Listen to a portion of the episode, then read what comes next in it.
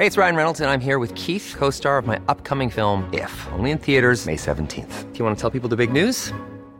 All right, I'll do it. Sign up now and you'll get unlimited for $15 a month in six months of Paramount Plus Essential Plan on us. Mintmobile.com slash switch.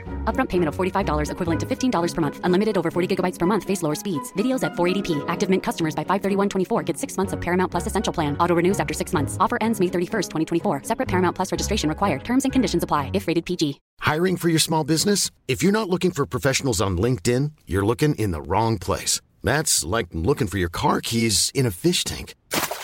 LinkedIn helps you hire professionals you can't find anywhere else, even those who aren't actively searching for a new job but might be open to the perfect role. In a given month, over 70% of LinkedIn users don't even visit other leading job sites. So start looking in the right place. With LinkedIn, you can hire professionals like a professional. Post your free job on linkedin.com slash people today.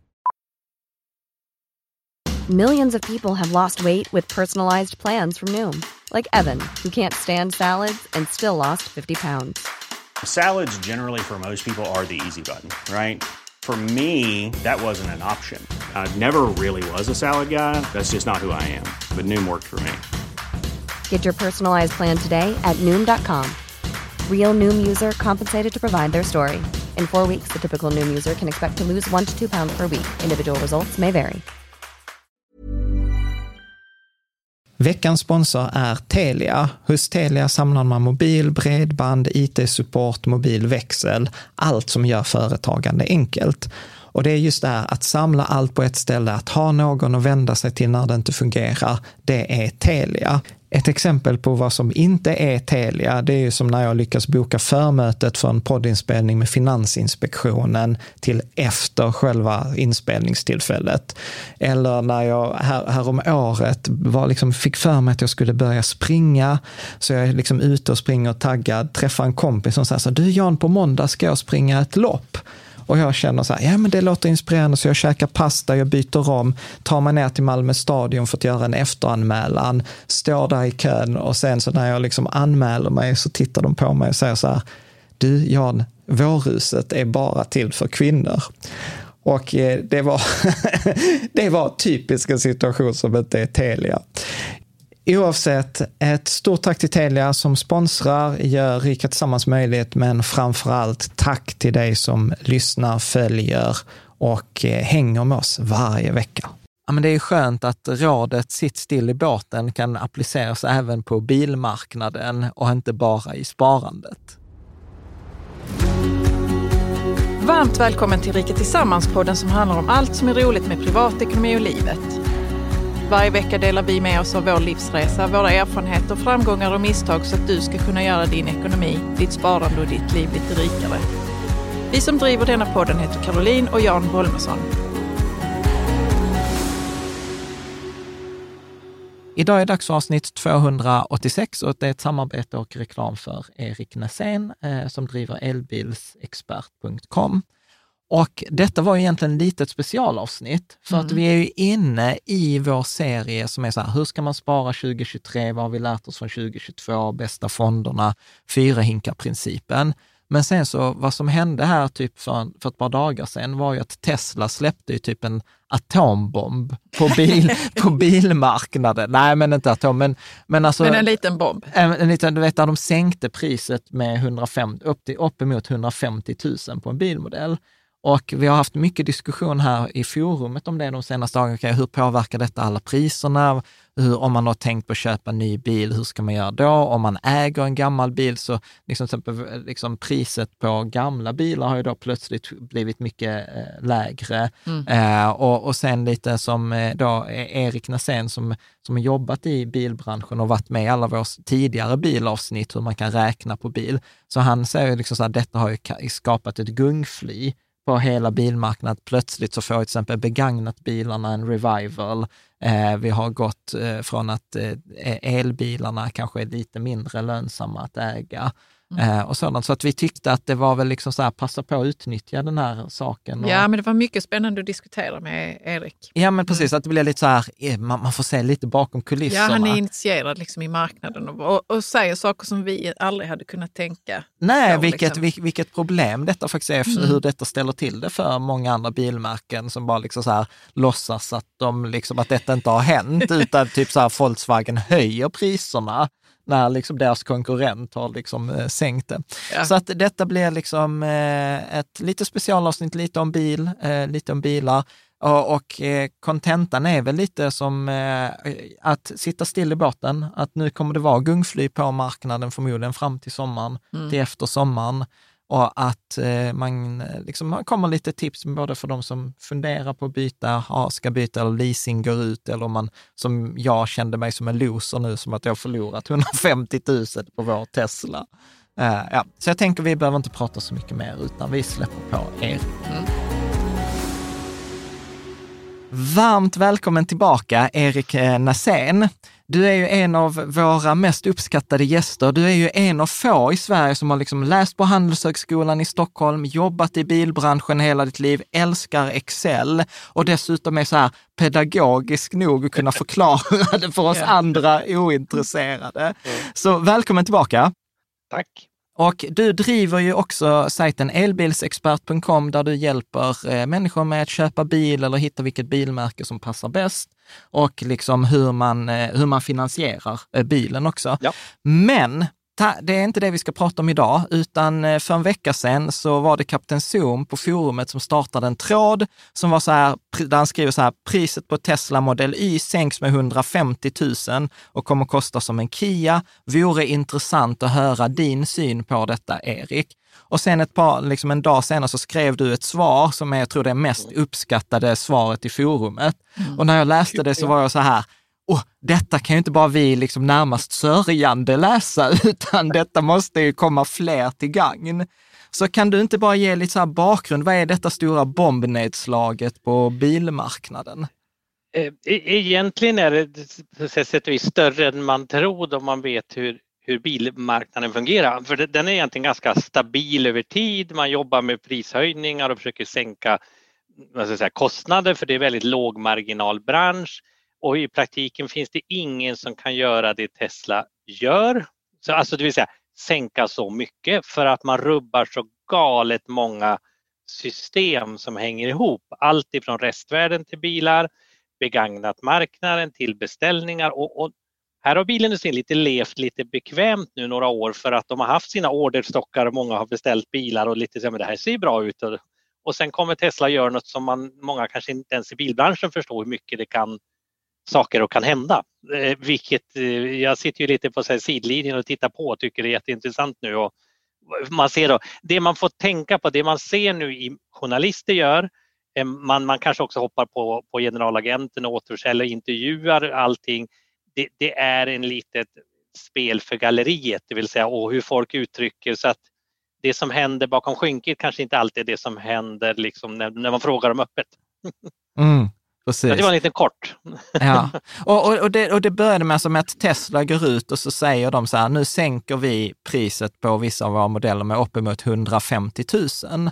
Så att ja. det gjorde till exempel, jag läste i den här tråden att plötsligt så blev ju liksom Tesla liksom billigare än Volvo XC60. Den blev samma prisklass som Kia, då eh, Kia ja. Eniro eh, och den blev billigare än Polestar. Och då är liksom Teslan då till exempel en, en betydligt större bil. Så hur, vad är liksom Teslas rational och vad, mm. hur, hur, hur tänkte man? Vi börjar i, i Teslas ända. Det, det en del tappar bort det där. Jo, de gjorde en prissänkning som på en viss bil blev 150 000, men då ska man veta att den bilen kanske var 100 000 bilar för ett år sedan när den kom. Så Tesla har också höjt priset under de här, det här året och faktiskt delvis gått tillbaks. Vilket det, kanske tidningarna inte skriver så mycket om för det är mycket bättre rubrik att de sänker 150 000. Sen mm. kan man säga det som Tesla, att, eller bakgrunden till det, det är egentligen att Tesla har ju under nu ett antal år byggt upp sin produktionskapacitet. De har startat en fabrik i Berlin, de har byggt ut i Kina, USA och allting. Och man har hela tiden varit öppen och sagt med att, att liksom vi, vi vill ju trycka ut mycket bilar. Och, och när skulle det börja liksom bli så att säga, finnas högre produktionskapacitet än efterfrågan, ja men då kanske vi börjar skruva på olika rattar. Generellt sett så finns det en jätteöverproduktion av bilar i världen om man tar alla liksom fabriker, vilket gör att det är en lågmarginalbransch. Så, så det hänger på exempel att VW-koncernen ungefär tillverkar 10 miljoner bilar per år. Volvo gör kanske 500 000 i snitt så där lite grovt. Det gör att när Volvo köper en ratt så köper VW-koncernen 20 rattar. Mm. och, och, då, och, då, går det att göra det billigare även om man köper samma ratt. Mm. Eh, Tesla då har ju då en lite högre grad av integration än många, det vill säga att de tillverkar mer grejer själv. Vilket gör också att man får en bättre marginal på det man säljer. Det gör också att man har varit mindre sårbar under pandemin. För man kunde byta ut till exempel ett chip mot ett annat och sen ändra programmering och sen få det att funka. Medan de andra sitter ofta ihop på sina underleverantörer och får de problem där då är det tvärstopp för alla. Så Tesla kan man säga har potentialen att kunna sänka så här mycket man, lite slarvigt eller lite ryktesmässigt säger och Tesla själv också att man har ungefär 30% marginal i tillverkningen. Det är inte det detsamma för sen har du då leverans, garantiåtgärder, organisation, massa andra saker. Men Tesla anses ha överlägset mest marginal på marknaden. Och tänker man då 30 på, två, på 700 000, det är ungefär 200 000 i marginal. Ja, men då kapar vi bort 150 så har vi ändå 50 000 kvar. Så är vi nöjda. Samtidigt har man ju minskat lönsamheten från liksom, man har kapat bort tre fjärdedelar av det man tjänade. Så du måste ju få en galet ökad produktionsökning mot för att för att ta igen det tappet så att säga, i vad säger, vinst per bil. Mm. Så Tesla har möjlighet att göra det. Tesla, Tesla har sett att produktionen eller efterfrågan, de har också haft korta leveranstider, det är för att de har legat i balans och så börjar de se nu att nej men vänta nu, nu, nu börjar vi ha lite överkapacitet så de började faktiskt sänka i Kina för några veckor sedan och det blev rabalder och sen liksom protester. Ja, det visade sig. Ja, men det var ju folk var ute på gatorna alltså, och protesterade. Ja, och det är ändå Kina ja, vi pratar om. ja. ja, fast vissa säger att det där var personal från BUD som var över och, okay. det ena och det andra. Det går jättemycket rykten, men, men det var mycket liksom diskussioner. I USA hade man också sänkningar men där, där, var det egentligen mer för man skulle införa en bonus från årsskiftet och då vill inte folk ha bilarna i årsskiftet. Så då ville man trycka bonus eller pengar så att folk skulle ändå ta bilarna innan årsskiftet och det har att göra med det här då kvartalshysterin i, i bolagsbranschen, att man visar bra siffror. Mm. Så man kan säga att det är bakgrunden till att Tesla kan göra det här. Det enda, eller den annan sak som många tappar bort är att Tesla har ju inga klassiska återförsäljare. De, det innebär också att de har inte en massa återförsäljare med ett begagnat lager. Man har inte heller några egna massa, alltså Tesla Finans, om jag ska kalla det så. Volvo har ju Volvo Finans, Volkswagen har Volkswagen Finans. Det finns ju liksom inte riktigt Tesla Finans. Så om de sabbar restvärdet för sig själv och skjuter sig själv i knäskålen så lider de inte så mycket av det för de har inget eget finansbolag som lider av det utan det är två andra finansbolag med Santander och DNB och eh, NF Lease. Tror jag. Mm. Så, så det gör att om nu Tesla gör något så här radikalt så har de alltså inga återförsäljare som de skriker. De har inget begagnat lager av alla de möjliga modeller som sitter ihop. Ungefär, man kan jämföra med, med en lägenhetsmarknad. Tänk er att man sänker hyrorna på fyrorna. Ja, men då ligger ju treorna för dyrt. Ja, men då, vill ju, då, då vill ju folk ha liksom hyresrabatt på treorna och sänker man treorna, ja men då ska ju tvåorna bli billigare också. Blir tvåorna billigare ska ettorna vara billigare. Och skulle det vara största aktören, till exempel Stockholms hem, skulle sänka alla fyror, ja men då skulle alla treor och då skulle ju de som inte tillhör Stockholms hem också kanske behöva sänka hyrorna om man tänker att det fanns en balans i efterfrågan. Men är det det som har hänt? Kan man säga så? Att nu har liksom priset sänkts på fyrorna så, så det ska bli, för att det måste ju vara an, alltså andra biltillverkare måste ju ha fått lite så här kaffet i, i Du kan tänka så här, eh, eh, grejen är ju att Tesla är som om de bara finns på Gotland och bara har fyror. ja, alltså, de har inga min, massa mindre, jo de har alltså, tre och de har liksom inte en, en palett av bilar. Ja. De har inte en massa återförsäljare som klagar. De har inte massa återförsäljares lager som skulle sjunka i världen. Och sen, det här, de kan göra det utan några större stora effekter för att det händer inte så mycket annat än att de får väldigt mycket mer efterfrågan av sina bilar för de stärker konkurrenskraften och väldigt mycket sämre lönsamhet per bil. Men mm. det har man ju säkert räknat på. Mm. Men skulle till exempel Volvo gå ut och göra samma sak, då skulle återförsäljarkåren bli skogstokig. Alla återförsäljares begagnat lager skulle sjunka värde, vilket skulle göra dem skulle bli skogstokiga av den anledningen också. Alla deras eget finansbolag som har garanterade restvärden i kalkyler skulle få göra om kalkylerna. Ja, men berätta där till exempel, så vad, vad, händer, vad händer med de som har liksom så här, till exempel privatleasat en Tesla? De måste vara ganska nöjda. Eller? Ja, eller säg så här, om, då, då beror på om vi ska titta på ett kundperspektiv, om vi säger så. Som du säger, en kund ja, som har. Ja, men precis. Låt oss titta ja. på så här, vad har detta ja. för påverkan? Ja. Hur, hur, hur kan vi småspara, vi som vanliga människor, hur kan vi utnyttja detta? För att jag känner mest att jag har fått en bajsmacka, att, att min Tesla har blivit 150 000 mindre värd. Att det var ju till och med någon det... som försökte sälja en Tesla som var 96 000 kronor dyrare än vad den var ny begagnad. Och din, om, om nybilspriset på en Model Y har sjunkit 150 000 så har inte din begagnade sjunkit 150 000. För, för den är ju inte ny så att din var ju inte värt samma som en ny. Så där tänker många tokigt och tror att, och då kan man tänka sig, innebär det att en bil för 150 000 kronor är gratis idag då? Det är den ju inte.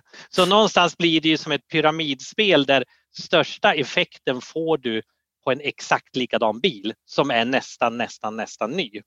Mm. Blir den då däremot lite lämnad, den är lite gammal, då, den har sjunkit i värde så då händer inte lika mycket. Tar vi en liknande bil, en modell 3 eller modell Y, då är det också lite mindre. Tar vi en Skoda Enyaq, då är vi ett annat märke men i samma segment.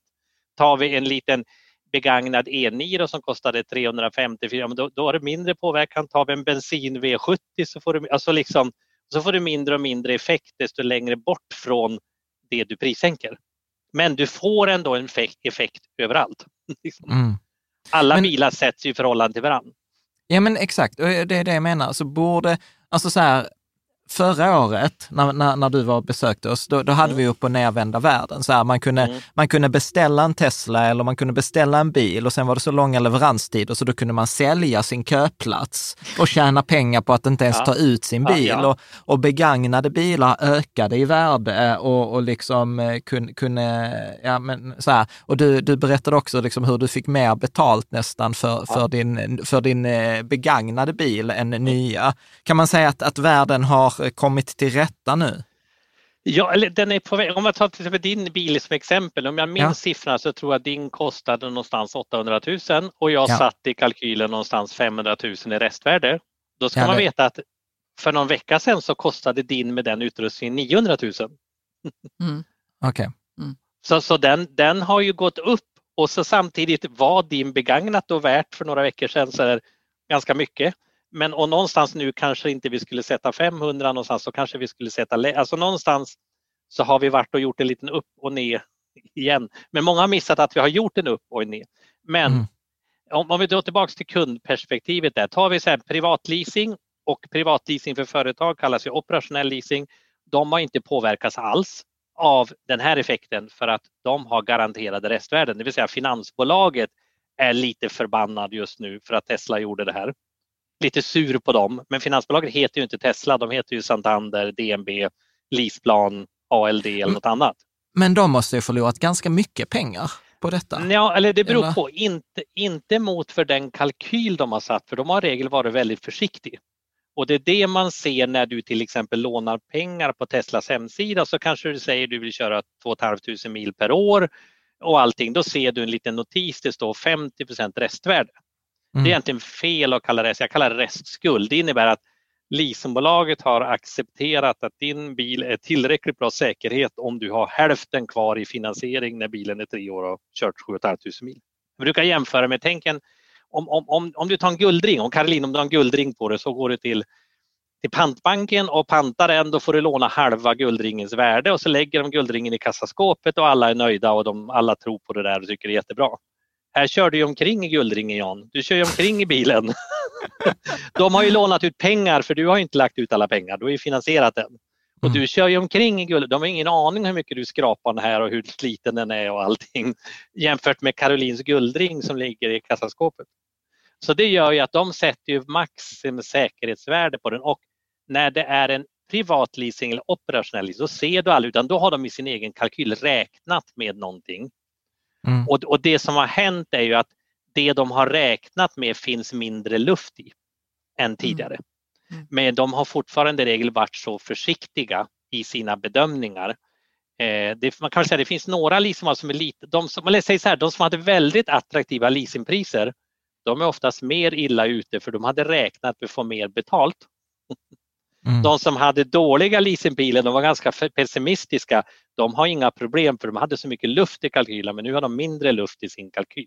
Mm. Så egentligen har de inget jätteproblem för de, de, de har erfarenhet och vet att de inte ska sätta några fantasipriser på tre år för så mycket kan hända. Och, och där är vi nu men de hade nog inte riktigt räknat med en sån här stor sänkning av framförallt, jag skojar lite och sa så här till en annan, hade Suzuki sänkt priset på någon bil med 100 000, who cares, vem är Suzuki och vad finns det för bilar? Men då på något sätt, elbilarna är det hetaste på branschen och den hetaste i fokus om du skulle prata med någon som sätter rubriker på en tidning. Det som ger mest klick det är att döpsätta Tesla-rubriken. Mm. Då de gör den, då blir ju alla andra på något sätt shit, vad gör vi nu i förhållande till det här? Jag satt och läste en artikel i morse förresten från Danmark. Jag vet inte om det stämmer, jag har ingen aning hur man räknar, men någonstans hade någon begagnat eller reagerat blixtsnabbt, sänkt priserna på Tesla med ungefär var det 70 000 danska kronor, vilket är ungefär 100 000 kronor. Mm. Och det hade aldrig sålt så mycket Tesla som den här var. Det vill säga då hittade man en ny balans längre ner. Här finns det jättemycket kunder som vill ha dem.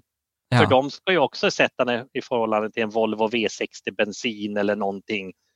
Eh, och, och, och, där är vi nu, det är därför jag skriver gungfly. Ingen riktigt vet var nya jämviktsläget man ska ha. Ja. Så, så, kunder som har privatleasing operationellt, de behöver inte fundera för de, de har inte inblandade i vad bilen är värt när den är begagnad och driftskostnader är vad de är, räntorna har gått upp, ja, visst och allting. Tar vi de som har köpt bilen på avbetalning eller en, en, en företag som har finansiell leasing, då har de ju satt in någonting som kallas restvärde, vilket jag tycker är lite att luras, för det handlar ju om en restskuld.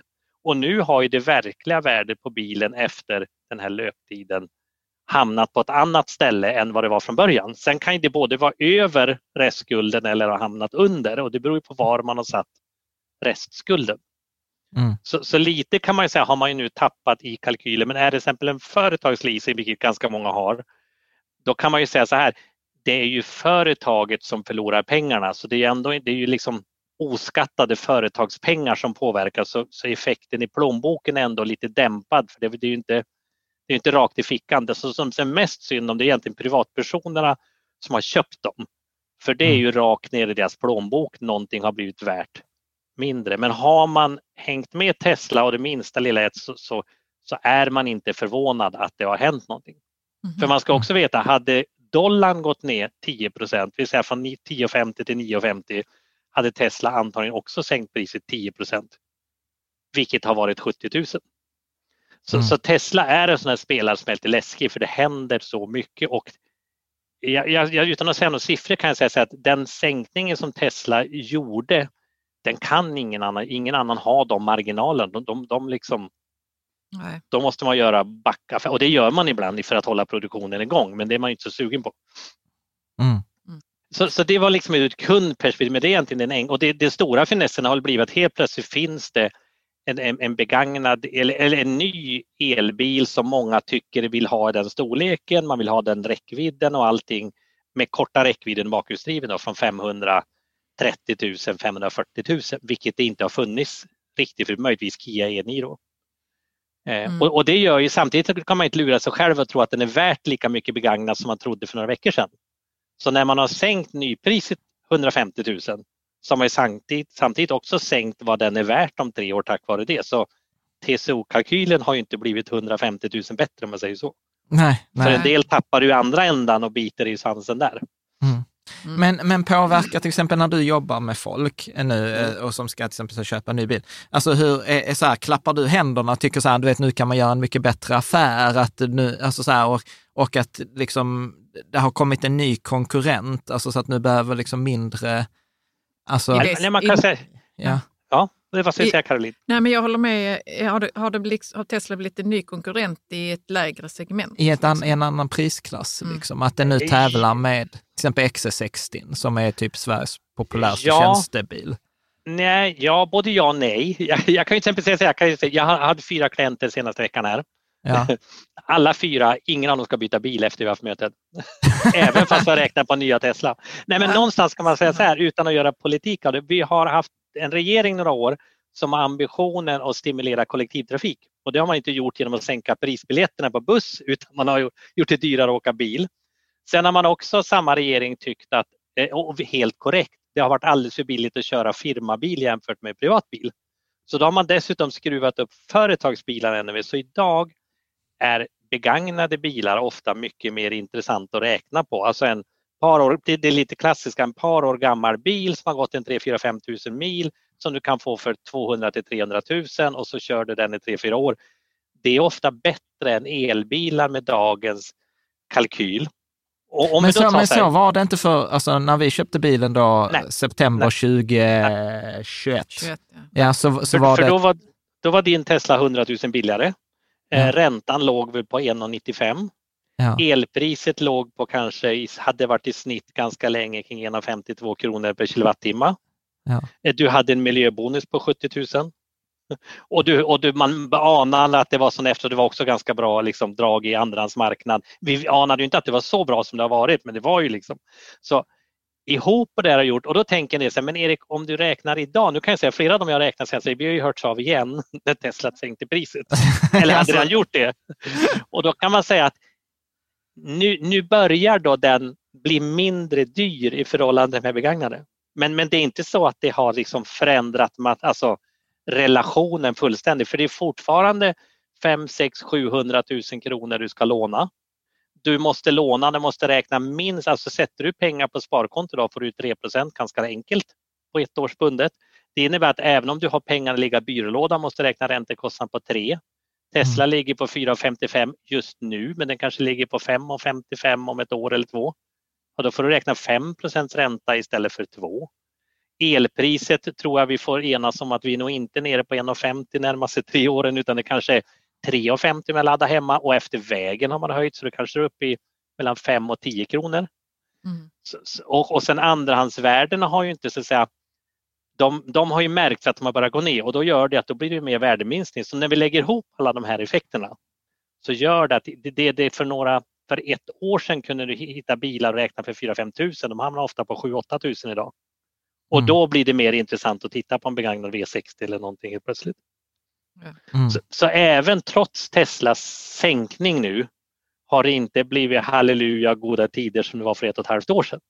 Mm. Men det har rättat till ganska mycket och problemet blir då om vi ska jämföra en Tesla modell Y med en Volkswagen ID4 eller vad som helst som dessutom har gått upp 100 000 under de här året då, då blir det jätte... Då, då blir ju Teslan väldigt konkurrenskraftig när vi jämför mellan de alternativen.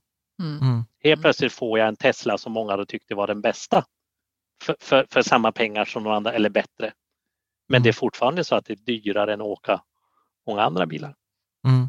Och, sen var det väl något att Volkswagen har tagit bort värmepumpen på sina elbilar.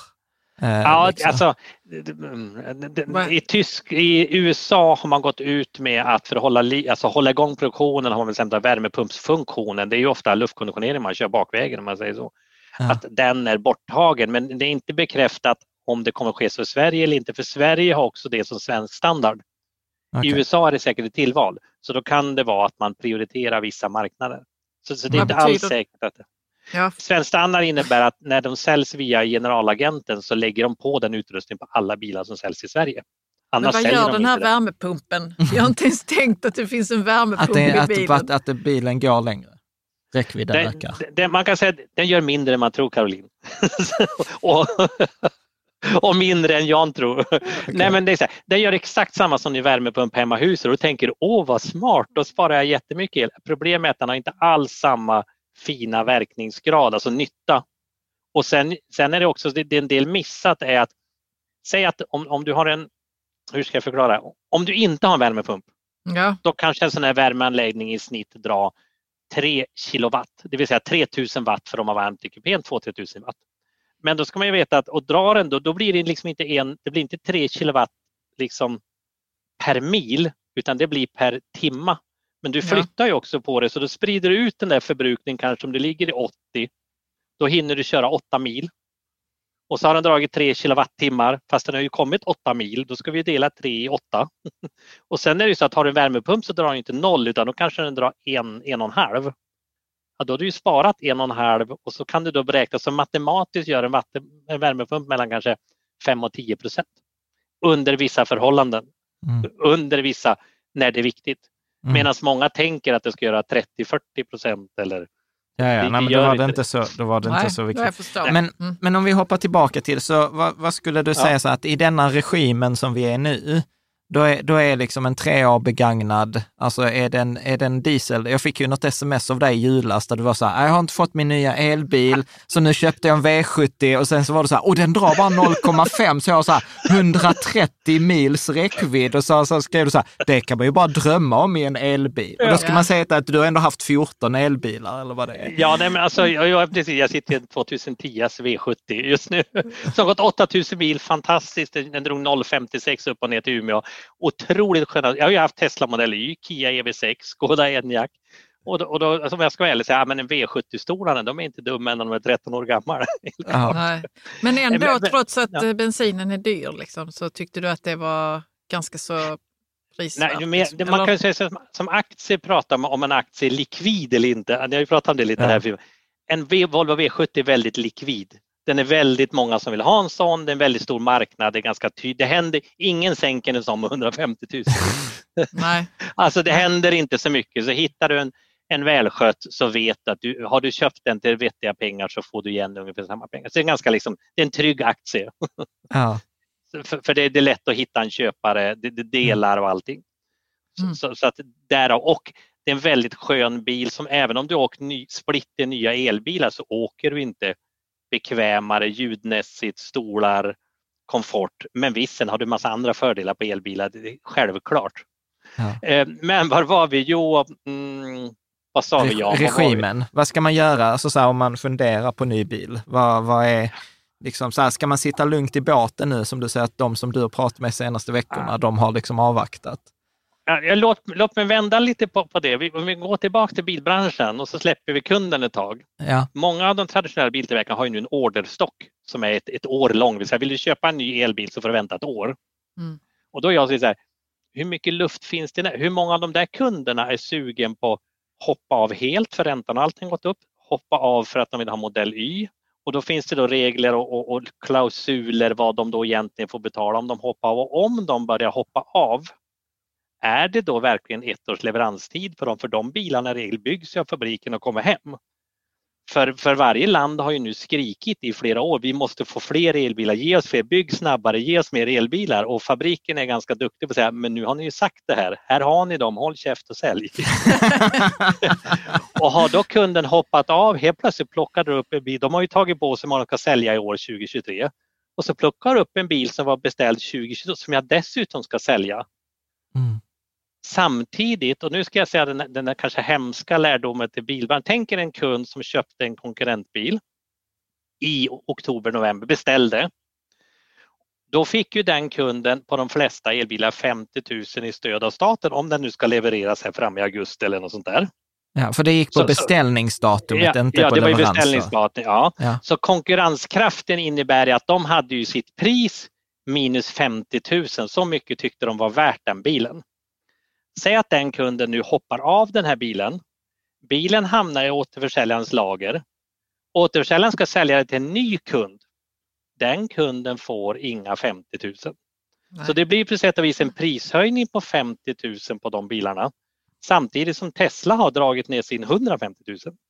Ah. Helt plötsligt är det 200 000 kronors skillnad.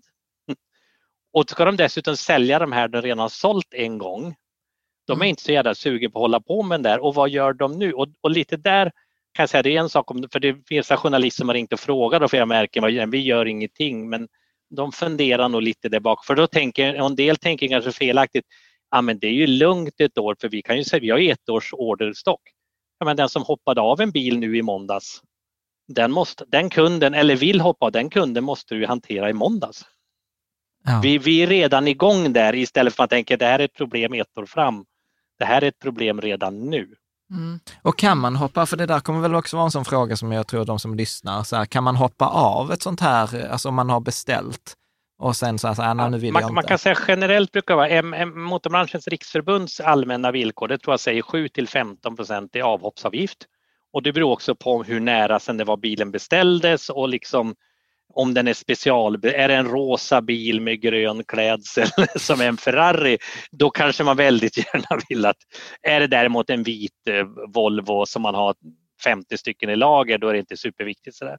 Sen kan man väl säga att jo, det, var, det kanske var ditt kontrakt säger. Sen brukar ganska många återförsäljare välja att inte dra det till sin spets. Så en del säger, ja men visst hoppa av du, jag hittar en annan kund.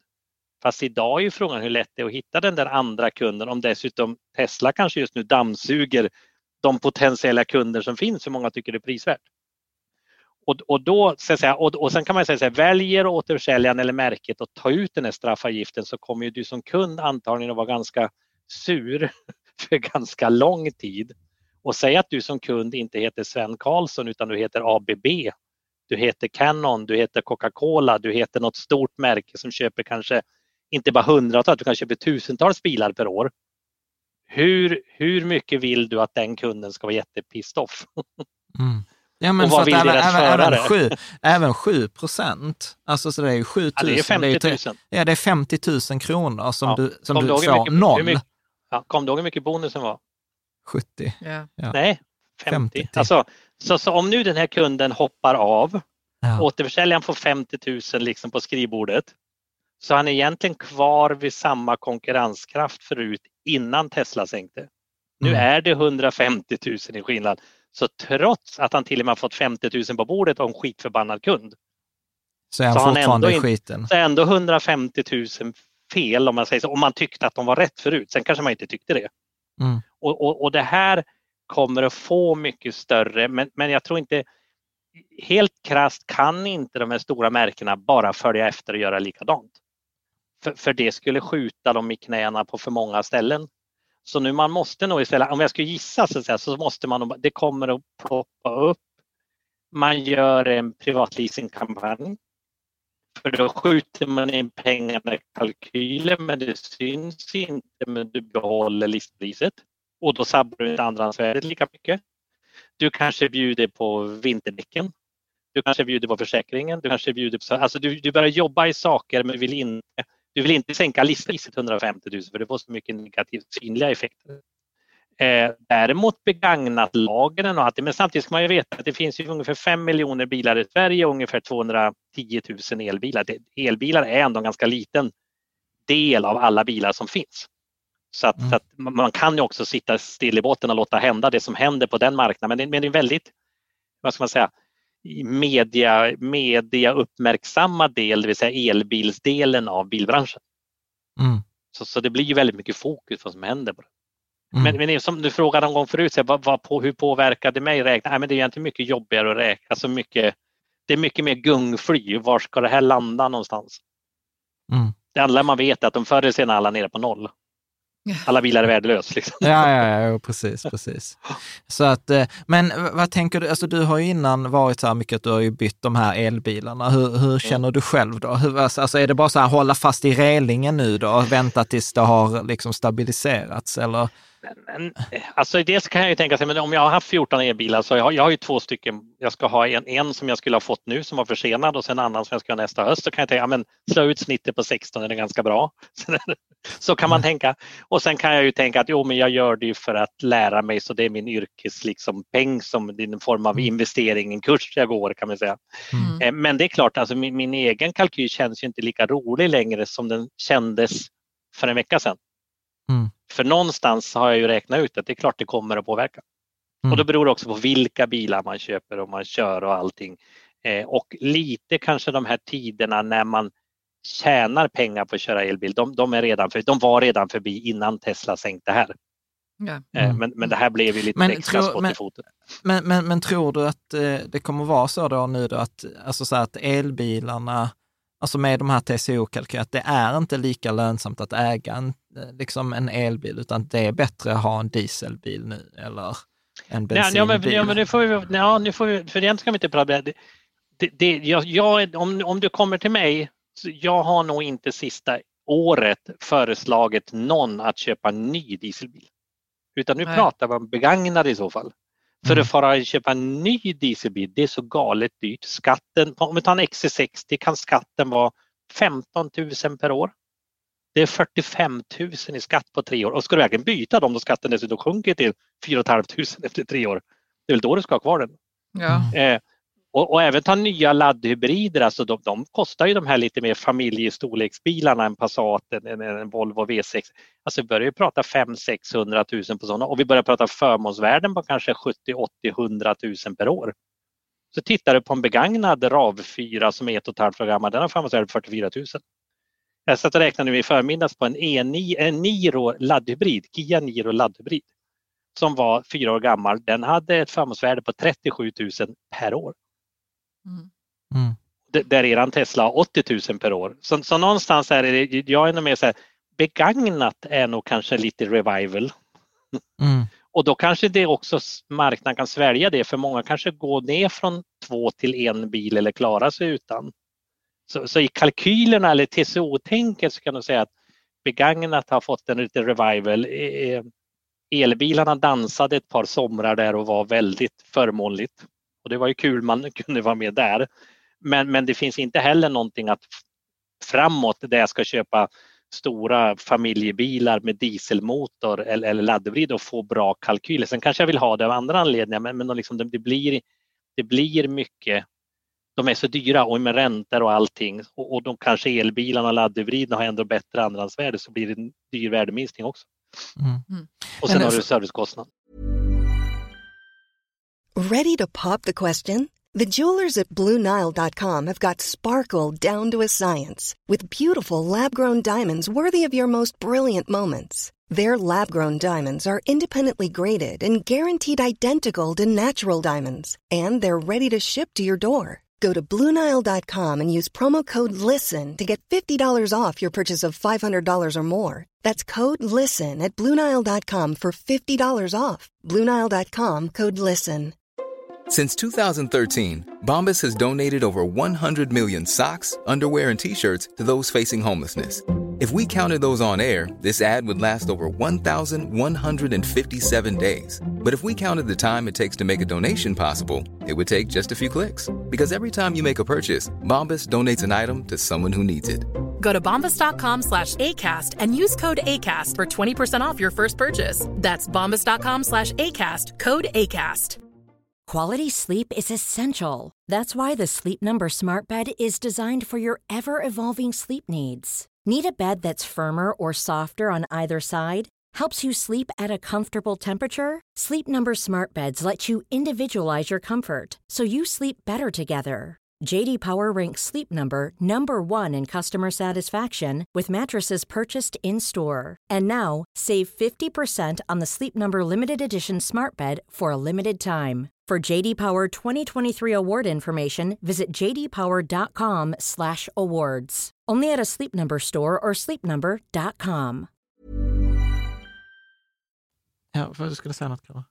Nej, men jag, jag vill ställa en sån där uh, lite filosofisk fråga. När tror du att, att elbilar liksom bara kommer att vara en, som en vanlig bil? Liksom? Att det, för att nu har vi ju yvat så mycket över teknologin och och, och, att det är liksom så coolt på något vis. Mm. Och att det är schysst att köra en elbil också mot miljön och så. Men eh, när kommer det vara som en helt vanlig bil bara? Tror du? Alltså är det om några år eller är det nu? Eller? Nej, men då måste jag fråga, i, i vilket avseende menar du användarmässigt ja, menar, eller prismässigt ja, eller mentalt? mentalt och prismässigt. Ja, om, vi, om vi delar upp det, vi säger så här. Ja det kommer inte att gå så många år så kommer det knappt att säljas några nya bensin och dieselbilar.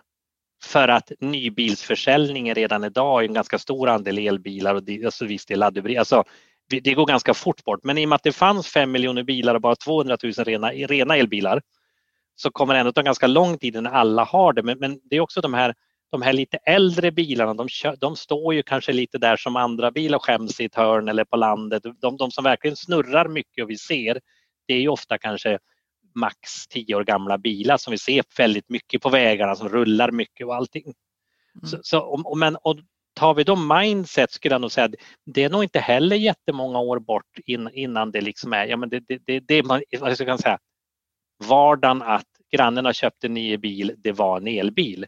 Det tror mm. jag inte är så många år bort för det är en ny bil vi pratar om då. Mm. Eh, mm. Användarmässigt kan, kan det nog dröja en tag tills det är vardag hur man laddar och allting för det är en lite mer eh, att fundera på än att stoppa in en bensinmunstycke och tanka bensin.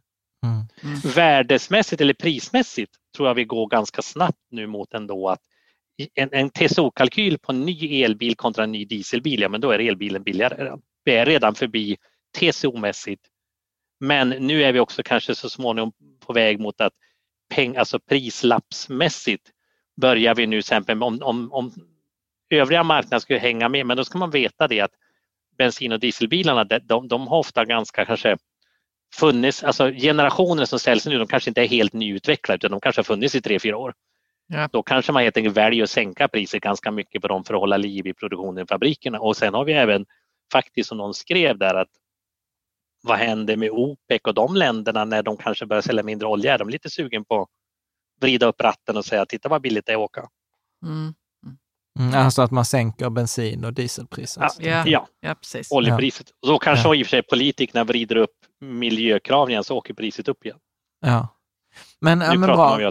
men, men så att, så att om, om man ska liksom sam, sammanfatta så, liksom så här, begagnat, lite revival, att kanske den där regeln som liksom gällde för, för tio år sedan, så här, köp ja. en tre år begagnad bil, det är det bästa. Det gällde ju inte under ett par år. Men den är, den är lite tillbaka. Så kan man säga ja, så. och sen kan man också säga, det var varken fel att det var, alltså, alltså det var rätt förut att det var så. Ja. Och sen var det faktiskt så under ett tag nu, har det varit väldigt förmånliga privatleasingpriser och att köra elbilar och allting av en liten marknadsanomali, eller man säger. Alltså det har varit lite ovanligt. Ja. Och nu är vi lite mer tillbaks att, och då har vi också skämt bort kunderna med titta varför ska jag åka en begagnad? Titta jag åker ju ny och det här är ju jätteschysst och den är ju ingen glapp och fin och inga repor. Men nu kanske vi är tillbaka till att ja, vill du ha det så då får du betala också. Ja. Så, så, så, nu, nu är vi lite tillbaks med normalt igen. Jo, men det är billigare att åka en begagnad, men, men ja, då är den lite sliten och du får kanske laga den någon gång och allting. Men, så egentligen är vi tillbaks till normalt igen. Men om man köpte en Tesla förra året eller förra året ja. igen, alltså som du pratar egen, behöver, ja. ska man sitta här och känna sig som en loser? Att man, liksom, man köpte ett aktie när den var som dyrast och nu sitter man med den på vägen ner det, det, jag ska, jag ska, det, beror på, det beror på vilken tidshorisont du tänker. Jäm, jämfört med då vi tittade på en treårskalkyl har det egentligen inte hänt så mycket. Men ungefär som om du köper en aktie och jädra vad den har gått bra nu men nu har den gått ner igen. Ja. så, så, så, däremot om vi skulle ha sett på det som spekulation. Jag, jag, jag, jag läste en bok som heter Konsten att köra bil gratis. Ja bara för att förklara det, det, det, är egentligen ganska lätt. Det skulle vi egentligen spela ett eget avsnitt på. nej, nej, men det är ganska lätt. Det handlar om att hitta, läsa in sig på något, köpa en som är lite felprissatt och sen så att säga den felprissättningen gör att jag kan täcka mina kostnader under den tiden. Det är typ hitta en bil som är 10 000 kronor för billigt, kör ett halvår, sälj den. De 10 000 kronorna täcker dina driftskostnader under ett halvår. Ja. Och på ett halvår hinner inte jättemycket gå sönder. Du kanske aldrig behöver serva så, så lite är det ur det perspektivet titta på din Tesla, men då skulle du ha sålt den i somras. Det var därför jag sålde min i oktober, för då började jag känna att nu, nu, nu börjar det skaka av olika anledningar. Mm. Vilket man kunde, inte den här prissänkningen, men man kunde förutse egentligen. Man såg att Tesla fick problem att leverera det folk hade beställt i våren. Man plockade bort bonusen vid, års, vid, vid halvårsskiftet, först, eller 12 juli blev det till slut de skulle komma få hem de bilarna. Folk skulle nog kanske inte hämta ut dem. Då skulle Tesla vara tvungen att och så vidare och så vidare. Mm. Jag var lite för sen där också. Mm. Okej. Okay. Så, så... Jag tycker du behöver inte vara ledsen om du tänkte på det på utifrån ett treårsperspektiv. Det har inte hänt så jättemycket ja. i din kalkyl. Ja, ja men, ja, men bra. Och, och, och, sen för de då som sitter och funderar på en ny tjänstebil, för det händer väl liksom så här också, ja. så man byter jobb eller så här. Och där är, där är rekommendationen, liksom att hur, hur ska man tänka? Alltså, alltså, om vi tänker så här, funderar du på en Modell Y eller en bil som är väldigt likartad i den i pris och, och utrymme och allting så har ju helt plötsligt Teslan fått en mycket, mycket bättre konkurrenskraft i just den klassen. Ja. Så, så, där så sen, kan du, säga, kan du säga, säga, säga någonting mer? För att, vilka är det den konkurrerar med nu då? XC60, eh. Skoda Enyaq, eh, ID4. Den är väl billigare än alla dem? Ja, om vi närmar oss, om vi nöjer oss med elbilar till att börja rena elbilar, ja. ja men då är det Skoda Enyaq, Volkswagen ID4, det, det är Kia EV6, Hyundai Ioniq 5, till, till viss del Kia Niro EV Och så är det de bilar här mellan 500 och 700 000 i, i familjestorleksklassen. Rena elbilar. Ja, ja, det är de som jag ja. räknade upp. Och, och, vilka är det på, och vilka är det på dieselsidan eller bensinsidan? Eh, ja, eller om vi börjar med laddhybridsidan, ja men då börjar vi prata om, om, om kanske Volvo XC60, V60, V90 och laddhybrider finns nästan på alla, Passat och Audi alla runt. Men, men då, då är du lite utanför elbilsfären för dem.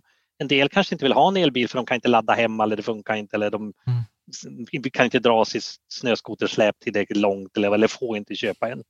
Och de påverkas ju mindre och sen mm. kan du säga små andra bilar i familjen elbil, de påverkas ju också mindre för de, de har aldrig tänkt att vara en bil för 600 000. Mm. Och sen har du då rena bensin dieselbilar som kanske också, så egentligen de som påverkas mest är de som var liksom spikrättade, men det var ju också mitt i hjärtat på Sverige, det här typ familjens kombibil som du både kan dra med, åka till fjällen med, rymmer hela familjen, hundburen. Så det är ju en av de stora segmenten nu som, som svart på. Och lite kan man då säga, nu ska jag vara lite elak och säga, Volkswagen höjde i natt tror jag priset med 6 000 på sina bilar. Hur, hur, här, hur, tänk, hur, tänker man då? Nej, alltså... och då, och då jag ska både försvara och förklara. Det var säkert en prishöjning som man har hållit på och, och planerat och tänkt under en lång tid. Alltså säkert, och jag har ju varit där, det har säkert jobbats på den i månad, en och en halv, två månader. Mm. Man har säkert börjat kommunicera ut att det ska ske det datumet.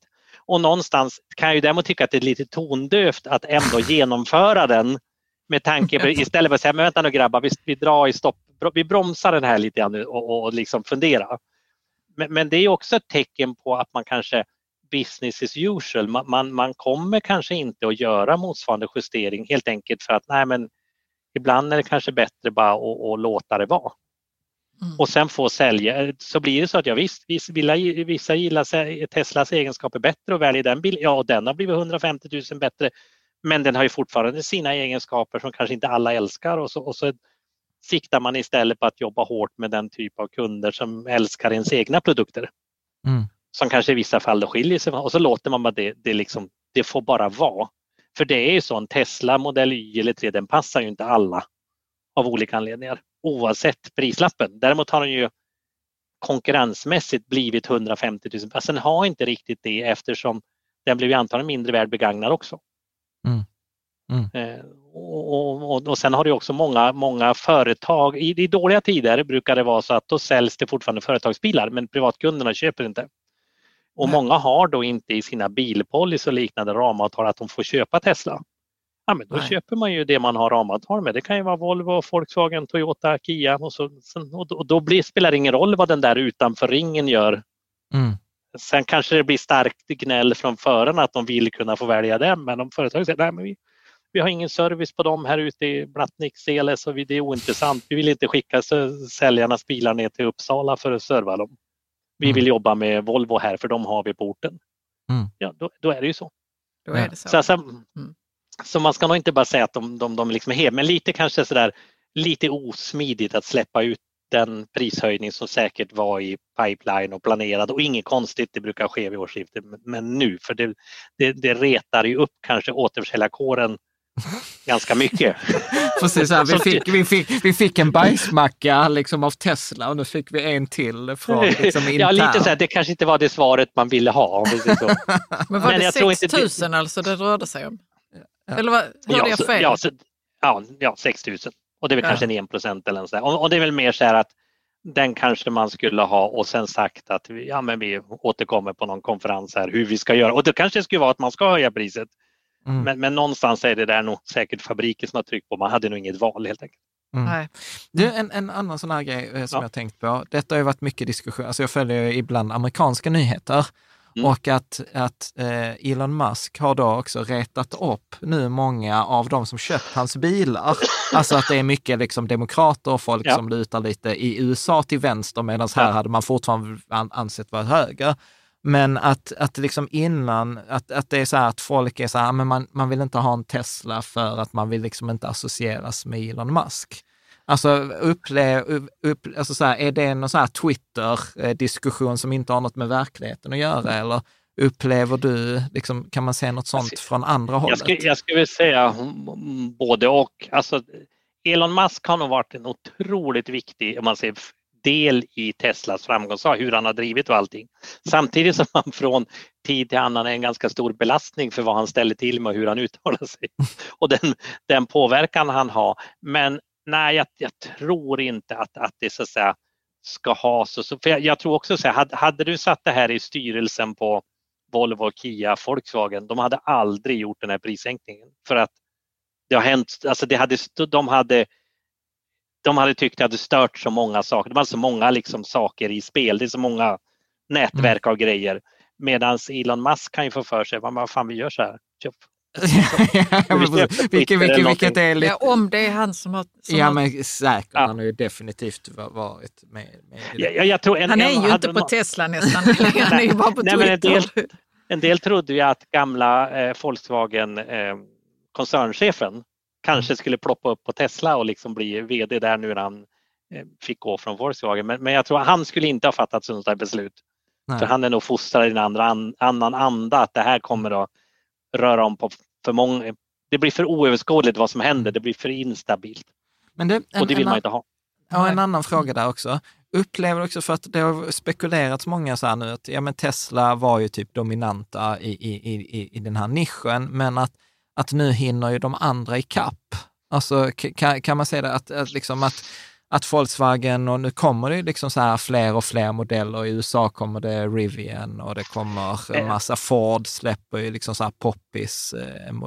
Man kan säga att ända sedan Tesla kom har hela tiden sagt att vänta bara tills vanliga bilindustrin kommer ikapp, då ska ni få se på grejer. För de, de kan ju det här med bilar. Liksom. Ja. Mm. Problemet mm. blev väl ungefär för kanske tre år sedan då det började bli uppenbart att men shit vad Tesla bygger bilar billigt. Alltså i produktionstid, produktions, alltså intern, vad, vad mycket marginal de har på bilarna för att de bygger dem snabbt. För de mm. förenklar hela tiden, de tar bort saker, de har hög, hög intern integration, de kunde anpassa sig när det blev det här med, med, med, med chipbrist i världen och massa grejer. Mm. Och att de inte så säga, don't take no for an answer, liksom, att nej, men han accepterar ju utan det bara löst det. Liksom. Mm. eh, och, och, och det har nog gjort att, att man kommer att, att eh, man, man, man jobbar lite annorlunda helt enkelt. Var, var var vi? Vad, var, var var jag på väg och skulle svara på? Nej men att, eh, att, eh, man sa så att de andra hinner ikapp. Det ja, och då, och då, kan man säga sig att när det har börjat bli uppenbart, då börjar man ana att, om man säger, jag, jag vet ju delvis siffrorna bakom och det är därför jag säger ingen annan kan göra den här sänkningen, för det finns inte sådana marginaler. Mm. Utan att gå väldigt mycket back och stoppa in, vad kallar det, marknadsföringspengar. Men, mm. men, men det kan man inte göra för att försvara ett volymsegment. För, för det är där du ska leva på, det är det ditt bröd och vatten. Så någonstans har du ju låst fast, det är inte så lätt för dem att svara, så jag tror det kommer inte att komma 150 000 i prissänkningar på de andra för det, det går inte. Liksom. Då faller mm. hela systemet. Mm. Eh, så, så, så, på det sättet blir det lite eh, man kanske uppfattar det som att det är lite konstigt, varför, vad, vad händer nu och allt. Jag tror att man försöker nog mycket rida ut den här stormen. Tiden kommer att gå, inflation. Tesla, det som händer rent konkret är helt enkelt att Tesla tecknar ju väldigt mycket order just nu för de kunder som söker den typen av prisnivå och den typen av bil. Eh, och de andra kanske sitter med lite osäkrare orderstock än de faktiskt trodde att de hade. Och får ännu svårare att hitta nya kunder till sin bil som är i det segmentet. Mm. Så, så, att, eh, men, och så Tesla kan man ju säga att jag tror inte att de andra är på väg att komma ikapp på det sättet utan de är, men skillnaden är ju att nu börjar de få ut fler och fler olika modeller, alltså fysiska mm. modeller, stora, små, breda, långa, tjocka. Vilket gör att Tesla har ju inte så många, men de har i praktiken bara 2 plus 2. Ja. 3 och Y och, och S och X och S och X är ju egentligen de facto närmare, alltså S lanserades ju 2012, det är en tio år gammal bil. Så den mm. är ju inte på sätt och vis tekniskt, visst man kan säga att den uppdaterar mjukvara bättre än någonsin men det är, i grunden är det en tio år gammal bil. Så att när det då ska börja finnas de storlekar där Tesla inte finns, ja men då, då kan man ju säga då är de ikapp och då är frågan hur många kunder som sätter sig i fel kaross om jag säger så.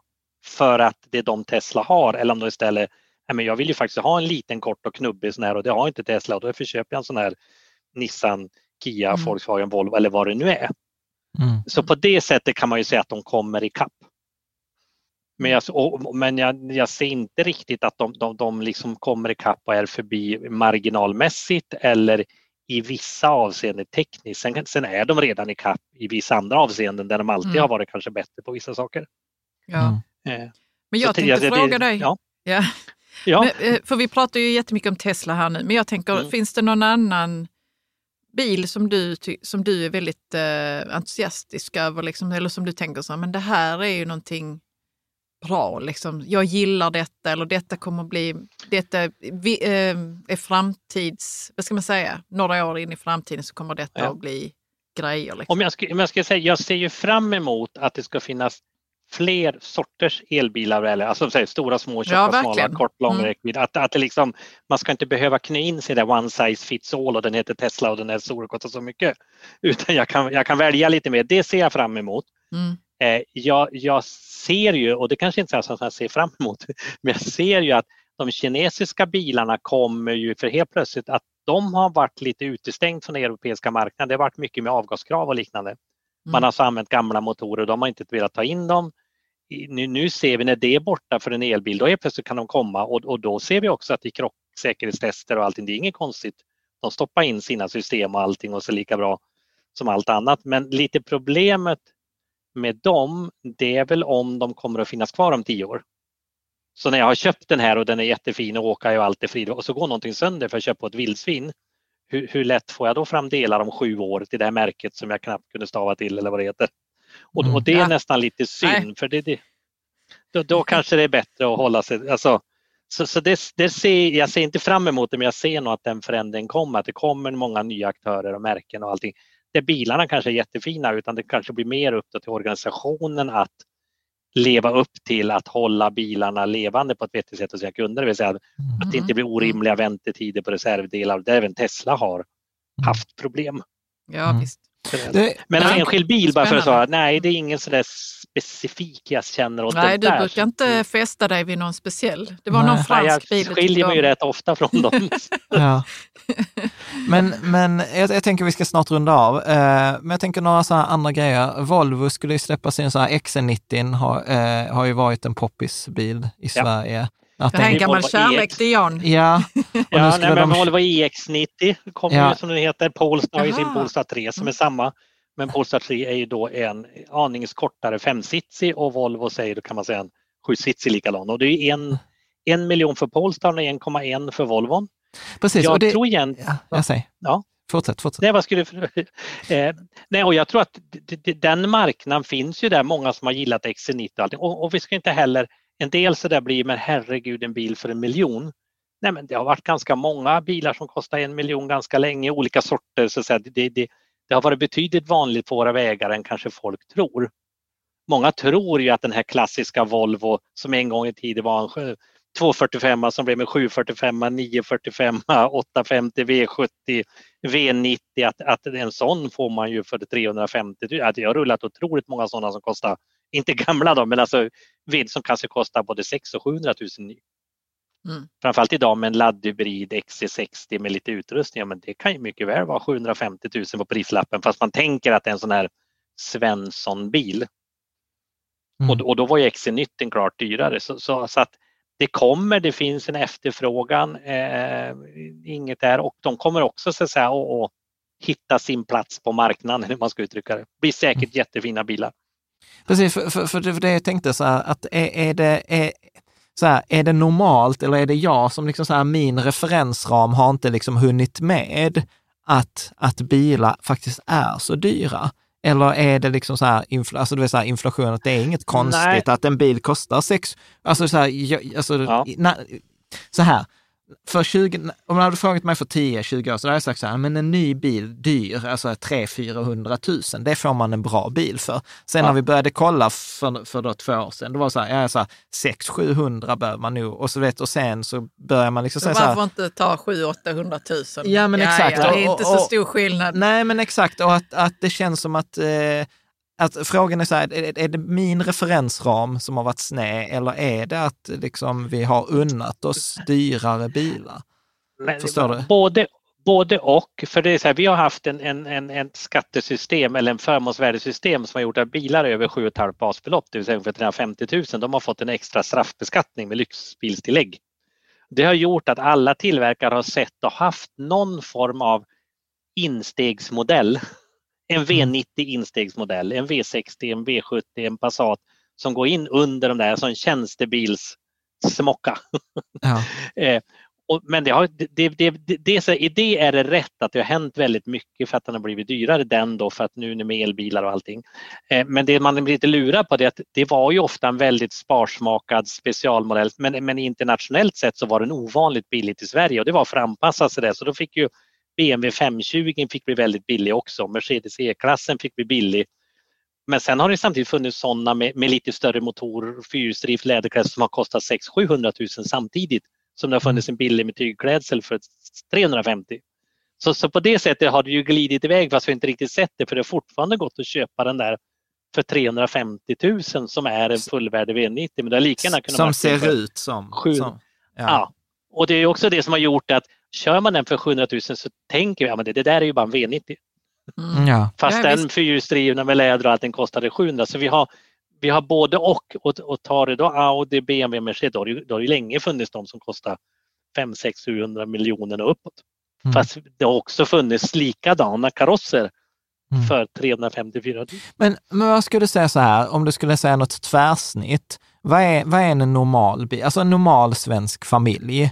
Liksom, som, Lilla Volvo Vove. Ja, exakt. Vad va, va har de för, för, för en bil? Och va, va, tar vi första bilen kan man se att sista 5-10 åren har det gått en liten trend från den stora kombina som vi säger V90, gamla ja. V70, V90, förskjutning mot V60.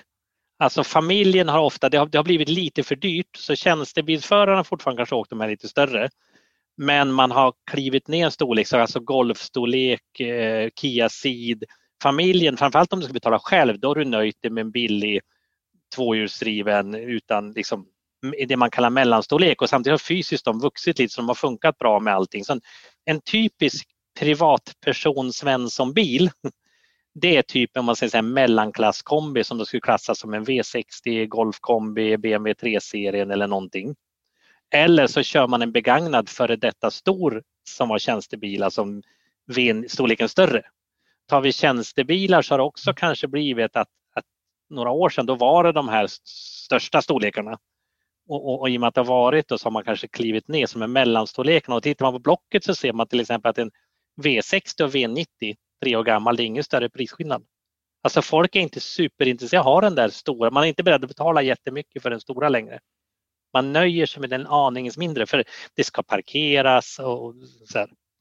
Det är lite mindre pengar och man, nöj, mm. man nöjer sig med V60 där man förut absolut ville ha en V90 som då hette V70. Mm. Eh, så, så, man kan säga att det har gått en liten trend mot det. Så det är väl en genomsnitt. Pratar vi privatägande då är den, är den nyare, riktigt ny så är det en mellanklasskombi eller en begagnad storkombi. Pratar vi tjänstebilen då blir det också lite samma, det är det man har som familjen. Pratar vi andra bilen då har det ofta varit något man pratar om i, i, i småbilstorlek till det som i praktiken kallades golfklassen, alltså de här som mm. är Toyota Corolla, eh, Kia, Golf eh, och sånt där. Och sen kan man också finnas en jättetydlig trend att SUVar, så många gånger har det blivit SUV-alternativ av de här. Alltså en XC40 istället för en V40, en XC60 istället för en V60. Men mm. inte en XC90 istället för en V90 för det är mer olika kunder.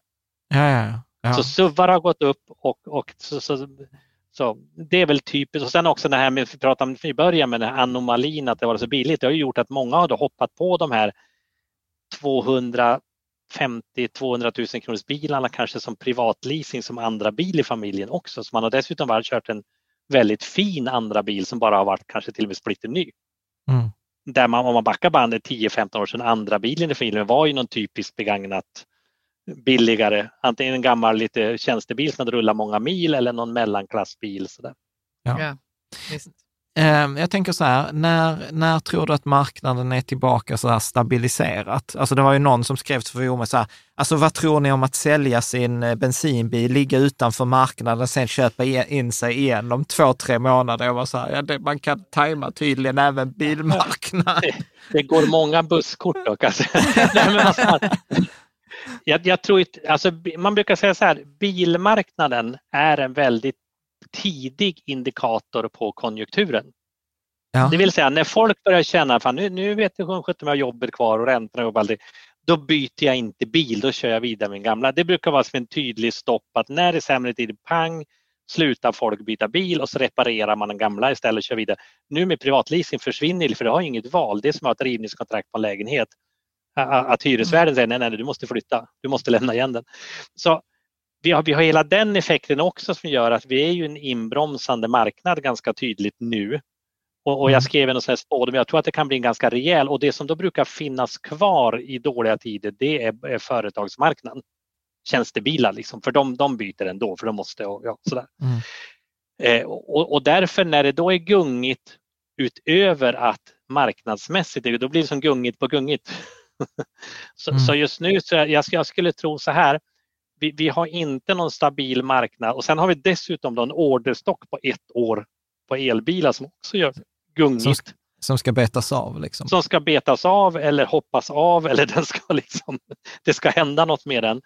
Eh, och sen har vi ett gäng politiker då, som nu faktiskt tror jag inte de kommer peta, men det kan ju också hända att man bestämmer sig då att bensin och dieselpriset nästa årsskifte sänks, att man tar bort den här miljöreduktionen, eller sänker miljöreduktionen, kanske ända ner det till den nivå EU kräver och det skulle kunna bli en prissänkning med ganska många kronor per liter. Och skulle det hända då skulle det också kunna stöpa om vad ska vi mm. köpa för bilar? Mm. Eh, så jag tror så här, nej vi ser nog inget nytt stabilt läge under den här våren då jag dessutom vet i vilken takt de här fabrikskvarnarna ska mala i sina processer.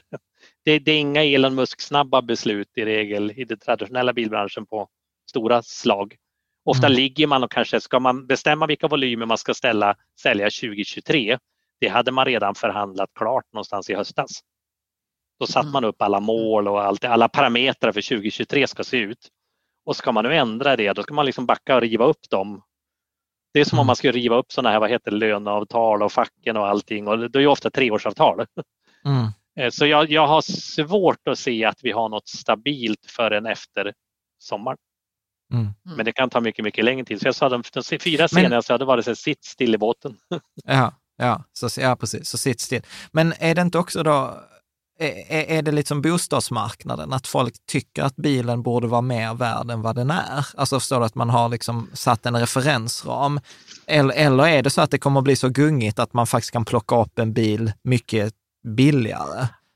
Ja, alltså jag kan ta ett exempel. Jag ska, jag ska inte promota den annonsen på Blocket, någon stackare, men, men det var en bil som du kunde köpa väldigt liksom, eh, förmånligt. Så fick du 70 000 i stöd så, så prisnivån den här kunden kunde köpa den här bilen, den kanske var här.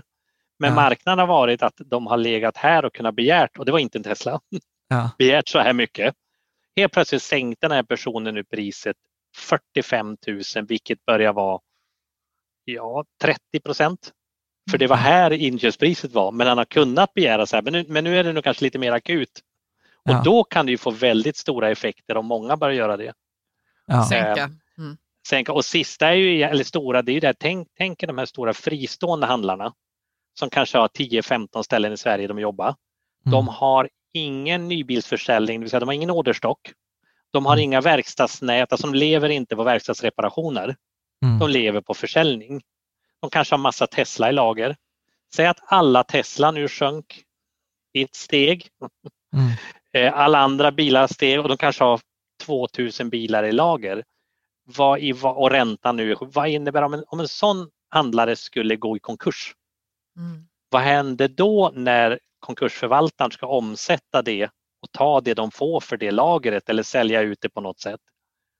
Det, det skulle liksom störa begagnat marknaden rejält. Liksom. Nej, men jag tänkte på det, alltså så här, för jag gissar att de här handlarna har ju bilarna uppsatta på sin balansräkning. Ja. Och jag tänker ja. så här, plockar du bort eh, liksom så att Den är belånad betal... också. Ja, precis. Och, och jag tänker så här, alltså det är inte att de skulle behöva göra en KBR, alltså en kontrollbalansräkning, ja, ja, eller en sån här att gå i konkurs att plötsligt har de ju mer skulder än vad de har tillgångar. Mm. Ja. Eller säg så här generellt, de test, om vi tar en handlare som skulle kanske ha 50 Tesla i lager, de har ju ingen marginal på 150 000 att tjäna på dem. De kanske kunde tjäna 50 000 per bil. Ja, får de sänka de 50 000 då går de från förväntad vinst 50 000 till, till noll. noll. Mm. I bästa kanske, fall. I bästa, ja, i bästa fall. fall ja. och, och det gör, skulle någon sån här stor spelare börja gunga, ja men då, då kan det ju gunga liksom väl, ja. väldigt fort, väldigt mycket. Ja. Mm. ja. Och, och, det är då det blir nästan läskigt, för vad händer då? Liksom? Jag berättar, vad händer då? Det, alltså så här, nu, ja. nu, blir det, nu blir det roligt nej, men, nej, men jag, jag var ju med, jag hade faktiskt bilfirma på 90-talet. Då ja. det var, alltså vi pratar 92, 93, ni vet räntorna var 500 procent och allting. På den tiden, det var ju före, jag kan berätta så här anekdoter, det, på den tiden fanns ju inte internet och, och datorer och allting. Tänk dig då ett lease, och man hade inte järnkoll på grejer, tänk dig ett leasingbolag som hade leasat ut bilar, det är samma leasingbolag som finns idag. Mm. De hade kanske en, en, en firma som gick i konkurs, de fick 70 bilar som helt plötsligt en konkursförvaltare bara hade. Eller som de bara fick tillbaks. Det de visste, de hade ingen koll på hur, exakt hur långt de hade gått. De stod kanske utspritt i landet. De hade bara ett registreringsnummer, en färg och de hade ingen, inte vad de hade för utrustning. De hade ingen aning om vad vinterdäcken var, ingen aning om vad nycklarna var. De hade ingen aning om någonting och så hade de en lista med bilar som de var tvungna att avveckla. Då faxade man ut de här listorna till ett gäng utvalda handlare. Och så sa man så här, ge mig ett bud på den här listan och jag umgicks med en handlare på den tiden som var en sån. Och då kunde vi komma och han frågade alltid, vad har ni för, vad ska vi säga, verkligt värde eller restskuld eller vad har ni för in, in stake in the game? Liksom? Hur mycket pengar har ni bokfört i det? Ja, men vi har 900 000 på de här 127 bilarna. Bjuder något. Och så kanske jag säger, ja men ni får 400 000. Och så sa de, du kan dra åt helvete och slängde på luren. Och så var tionde gång så fick han det. Och då sa de så här, nu har du en dag på dig de kan stå gratis. Sen får du börja betala avgift på varenda bil som står oavsett om de står i Ockelbo, Stockholm, Malmö eller någonting. Och du får fara och hämta dem, du måste omsätta dem. Så då börjar hans jobb att ringa och sälja dem till mindre handlare. Ja. Men alltså det, det är så stora och det var ju liksom man kom ju dit, jaha, såg den ut så här? Var det, man visste att det var en vit Volvo 245, jaha, var det en sån där utrustning? Ja, den här hade ju den här hade gått 17 000 mil, jag tror den hade gått 3 fanns ju inga register hur mycket den hade gått annat än möjligtvis bilprovningen. Och det är klart, då får ju, då får ju leasingbolagen väldigt dåligt betalt. Och sen ja. sväljer de bara in det i sin resultaträkning. Ja. Och sen kommer de där ut på marknaden och han då säger men jag lägger på 3000 bil för att köpa dem. Ja men för att, ja, du får ta vilken jävla vinterdäck du vill, det skiter jag i. Så sprang jag där och bar vinterdäck från en bil till en annan. Och, nej men någonstans, det, det, det, kan ju komma till sånt, fast idag har man ju bättre koll och system och allting och auktionssystem. Men det är fortfarande, det är fortfarande marknad där ute och marknaden är ju inte egentligen handlare utan det är ju någon person efter handlaren som ska köpa bilen. Mm. Och känner då folk så här, nej men räntan och elpriser, vi ska nog inte ha någon andra bil i familjen. Mm. Ja, då, då, då, då, måste du hitta någon annan som ska köpa dem. Eller mm. att det inte blir några nya sålda. Mm. Ja, men precis. Så, men, så att om vi ska sammanfatta, kan man, kan man säga så här, sitt still i båten till sommaren med en ny bil? Om du det finns lite undantag då. Ja. Om du var på väg att köpa en Tesla kanske du ska, ska skynda. Nej, egentligen inte så här. De kommer väl säkert att dra iväg i leveranstid, helt ja. enkelt. Eh, av, av den anledningen. Men, men annars så där, om du inte, i, idag är det ganska så där, ja, lite osäkra tider och det är därför också begagnat blir ett lite tryggare köp. Ja, men du vet vad det är, du vet vad den står i, det är mindre ja. pengar. Det är liksom, du, du, är lite på rätt banhalva redan från början. Mm. Mm. Eh, så att det är nog lite så där egentligen att kör vidare på det man har och sen kanske jag ska vara lite så här, funderar du på någon sån här privatleasing eller någonting, kolla, kolla lite extra då. Är det är det bunden ränta och vad gäller, å andra sidan det är ingen större fara idag för räntan har gått upp ganska mycket, den kommer inte gå upp lika mycket till. Nej. Så idag kan man säga att prislappen är ju satt ganska rätt i förhållande till dagens ränta och dagens ränta tror man ju inte kommer fara 3 procentenheter till utan det kanske far en procentenhet till eller något sånt där. Mm. Så, så då blir det, men vill du ha den nivån av prislapp, ja men då. Mm. mm. Ja, men um, um, um, vad bra. Ja, men, snyggt Erik. Du, stort ja. tack för att du kunde ta ja, detta tack. på lite uppstuds och med kort varsel. ja. Och eh, precis, man hittar dig som vanligt på elbilsexpert.com där du hjälper till med sådana här frågor. Men eh, och, och framförallt, jag, jag älskar ju dina beskrivningar av bilar. Liksom, så att det handlar ju om att hitta, det finns inte en bra bil, utan det handlar om liksom att hitta rätt bil i förhållande till sina förutsättningar och till sina ja. behov. Och det är ju det som jag, jag, tycker att du gör så himla bra. Så att Stort tack Erik, på återseende så får vi ta ett efter sommaren och så får vi beklaga mig, liksom, då har det gått två år med vår Tesla. Men måste vi lämna tillbaka den 24? Nej, nej, inte lämna tillbaka. Vi kan väl köpa ut den. Så det, detta nej. borde jag ju veta. Jo, men jag, jag nej, tror nej, vi kan jag... köpa ut den. Nej men, nej, men vi kan säga så bara för av, av liksom, du har ju något som heter finansiell leasing. Att du har i princip, du, du, det händer inget i en leasingkontrakt utan det är så här, du har, Caroline, du har ju inte löst ut guldringen. Han kör ju omkring i det fortfarande och så länge han kör omkring i det, då fortsätter de att skicka en ny räkning varje månad. Det är så det ja. händer och då, och då sjunker restskulden, fortsätter att sjunka helt enkelt. Ja. Så, så du, du, då övergår du från ett, vad kan säga, ett, ett tvåårskontrakt till ett rörligt löpande kontrakt med vad då referensräntan är då antagligen. Ja. Men så, det är också ett mycket mindre belopp. Ja, eller så kan man väl köpa ut den? Du kan köpa ut den men då kommer du inte kunna lyfta halvmoms längre.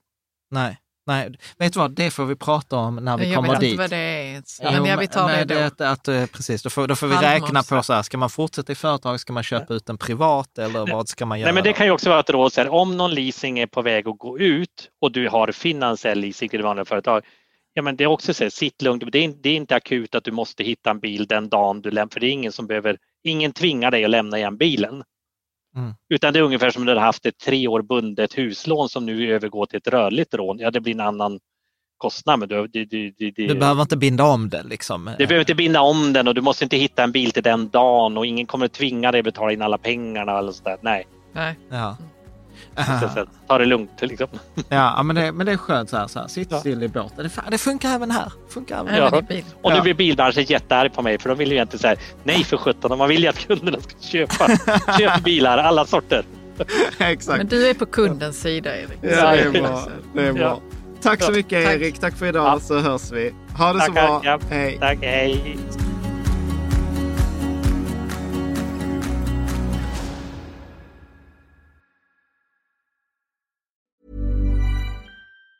Mom deserves the best, and there's no better place to shop for Mother's Day than Whole Foods Market. They're your destination for unbeatable savings, from premium gifts to show-stopping flowers and irresistible desserts. Start by saving 33% with Prime on all body care and candles. Then get a 15-stem bunch of tulips for just $9.99 each with Prime. Round out Mom's menu with festive rosé, irresistible berry chantilly cake, and more special treats. Come celebrate Mother's Day at Whole Foods Market.